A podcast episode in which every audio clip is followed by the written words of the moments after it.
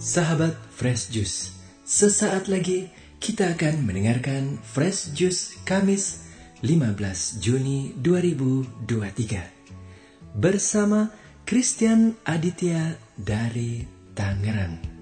Selamat mendengarkan.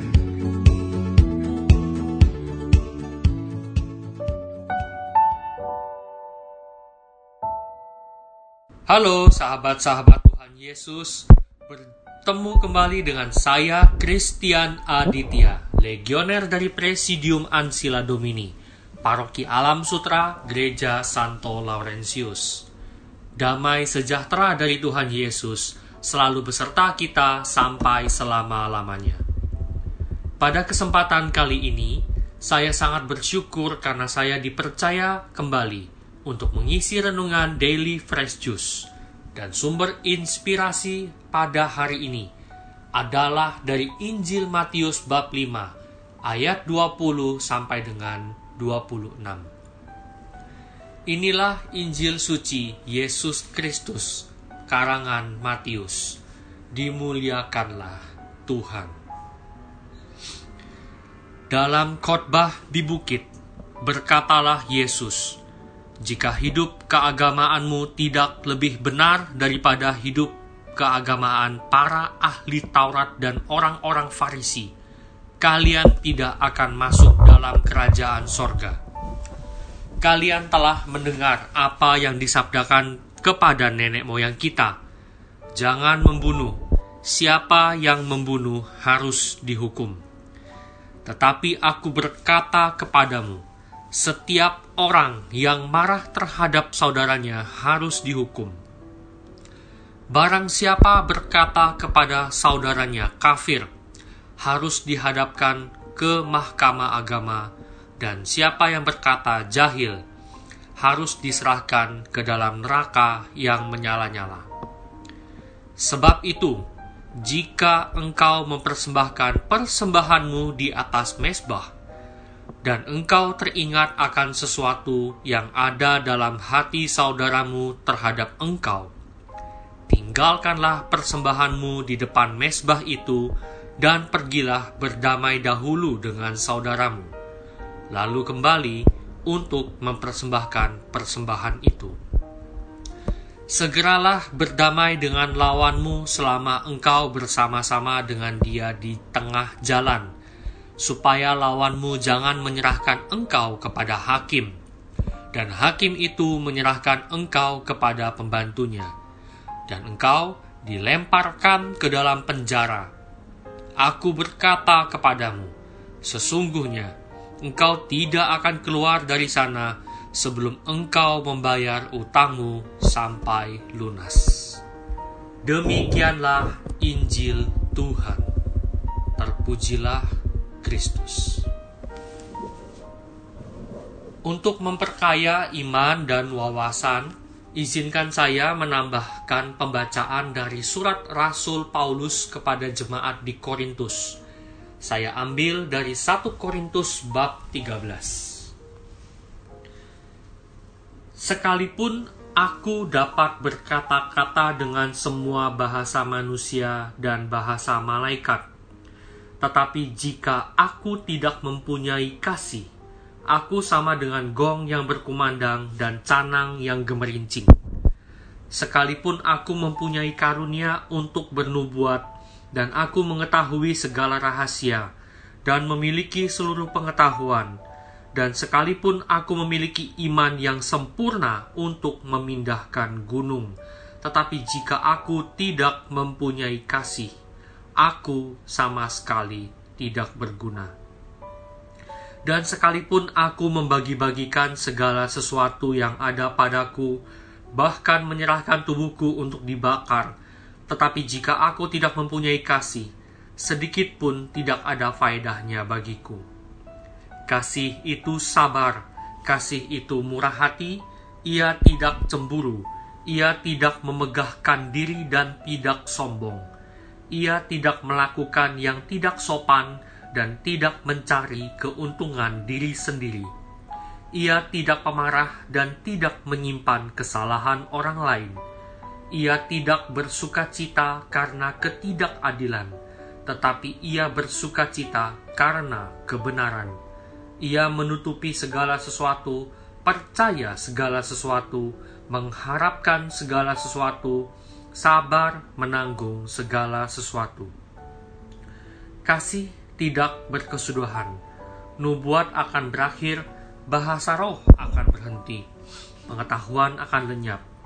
Sebab pengetahuan kita tidak lengkap dan nubuat kita tidak sempurna. Tetapi jika yang sempurna tiba, maka yang tidak sempurna itu akan lenyap. Ketika aku kanak-kanak, aku berkata seperti kanak-kanak, aku merasa seperti kanak-kanak, aku berpikir seperti kanak-kanak. Sekarang, Sesudah aku menjadi dewasa, aku meninggalkan sifat kanak-kanak itu. Karena sekarang kita melihat dalam cermin suatu gambaran yang samar-samar, tetapi nanti kita akan melihat muka dengan muka. Sekarang aku hanya mengenal dengan tidak sempurna, tetapi nanti aku akan mengenal dengan sempurna seperti aku sendiri dikenal. Demikianlah tinggal ketiga hal ini yaitu iman, pengharapan, dan kasih. Dan yang paling besar di antaranya ialah kasih. Kasih dalam satu dua hal bisa dipandang atau ditafsirkan sebagai kita beramal, kita berbagi, kita menolong, kita melakukan bakti sosial, kita memberikan pinjaman, kita memberikan persembahan kasih kepada gereja atau lembaga sosial lainnya. Dan masih banyak lagi. Anggapan semua itu tidak salah. Namun ternyata kasih model ini adalah versi basic yang paling dasar. Yang Tuhan Yesus kehendaki ialah implementasi kasih yang lebih dalam yaitu berupa pengampunan, berdamai dengan musuh, pengorbanan, kelemah lembutan, berdamai dengan situasi atau diri sendiri, kesabaran, kerendahan hati, dan lain sebagainya. Rasul Paulus kepada jemaat di Korintus juga mengajarkan bahwa yang kita lakukan, apa pun itu, jika tidak dilandaskan dengan kasih, maka segala sesuatunya adalah sia-sia. Dan disampaikan juga bahwa yang paling besar di antaranya ialah kasih. Pada kutipan awal Injil hari ini, Tuhan Yesus bersabda, "Jika hidup keagamaanmu tidak lebih benar daripada hidup keagamaan para ahli Taurat dan orang-orang Farisi, kalian tidak akan masuk dalam kerajaan sorga." Mengapa demikian? Karena ahli-ahli Taurat dan orang-orang Farisi hanya mampu mendemonstrasikan ajaran, hanya mampu memberikan tutorial berdasarkan kitab Taurat. Tapi dalam implementasinya banyak yang dibengkokkan menurut kepentingan masing-masing. Maka Tuhan Yesus menegaskan pada bacaan-bacaan berikutnya, pada ayat-ayat berikutnya, pada Injil hari ini. Ya, kita disampaikan pada suatu pemikiran yang lebih konkret. Maka merangkum dari ajaran Yesus pada hari ini. Yesus mau menegaskan bahwa ajarannya adalah ajaran kasih. Dalam bacaan yang lain, dalam Injil yang lain maksudnya, Tuhan Yesus ya pernah dicobai oleh ahli Taurat soal hukum apa yang utama, yang pertama Dengan tegas Tuhan Yesus menjawab, Kasihilah Tuhan Allahmu dengan segenap hati, dan dengan segenap jiwa, dengan segenap akal budi. Dan yang kedua ialah kasihilah sesamamu manusia, seperti dirimu sendiri.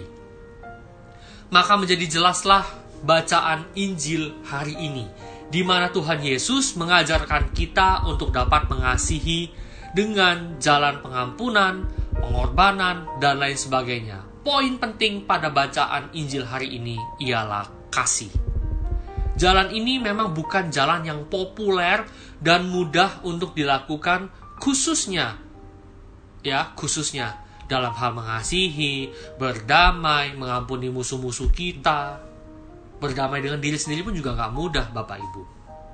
Namun jalan inilah yang Tuhan kehendaki kita bisa lakukan sebagai perwujudan kasih yang paling dalam dari iman kita. Maka selagi kita masih diberikan kesempatan dalam hidup ini, lakukanlah pertama, pertobatan. Dan yang kedua, banyak-banyaklah memberikan pengampunan kepada orang yang bersalah. Karena seperti doa Bapa kami, pada kalimat-kalimat terakhir, ampunilah kesalahan kami seperti kami mengampuni orang yang bersalah kepada kami.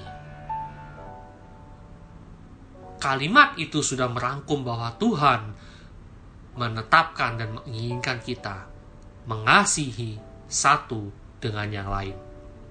Jangan sampai sudah tiba waktunya nanti, ya, kita sama sekali belum mengamalkan kasih.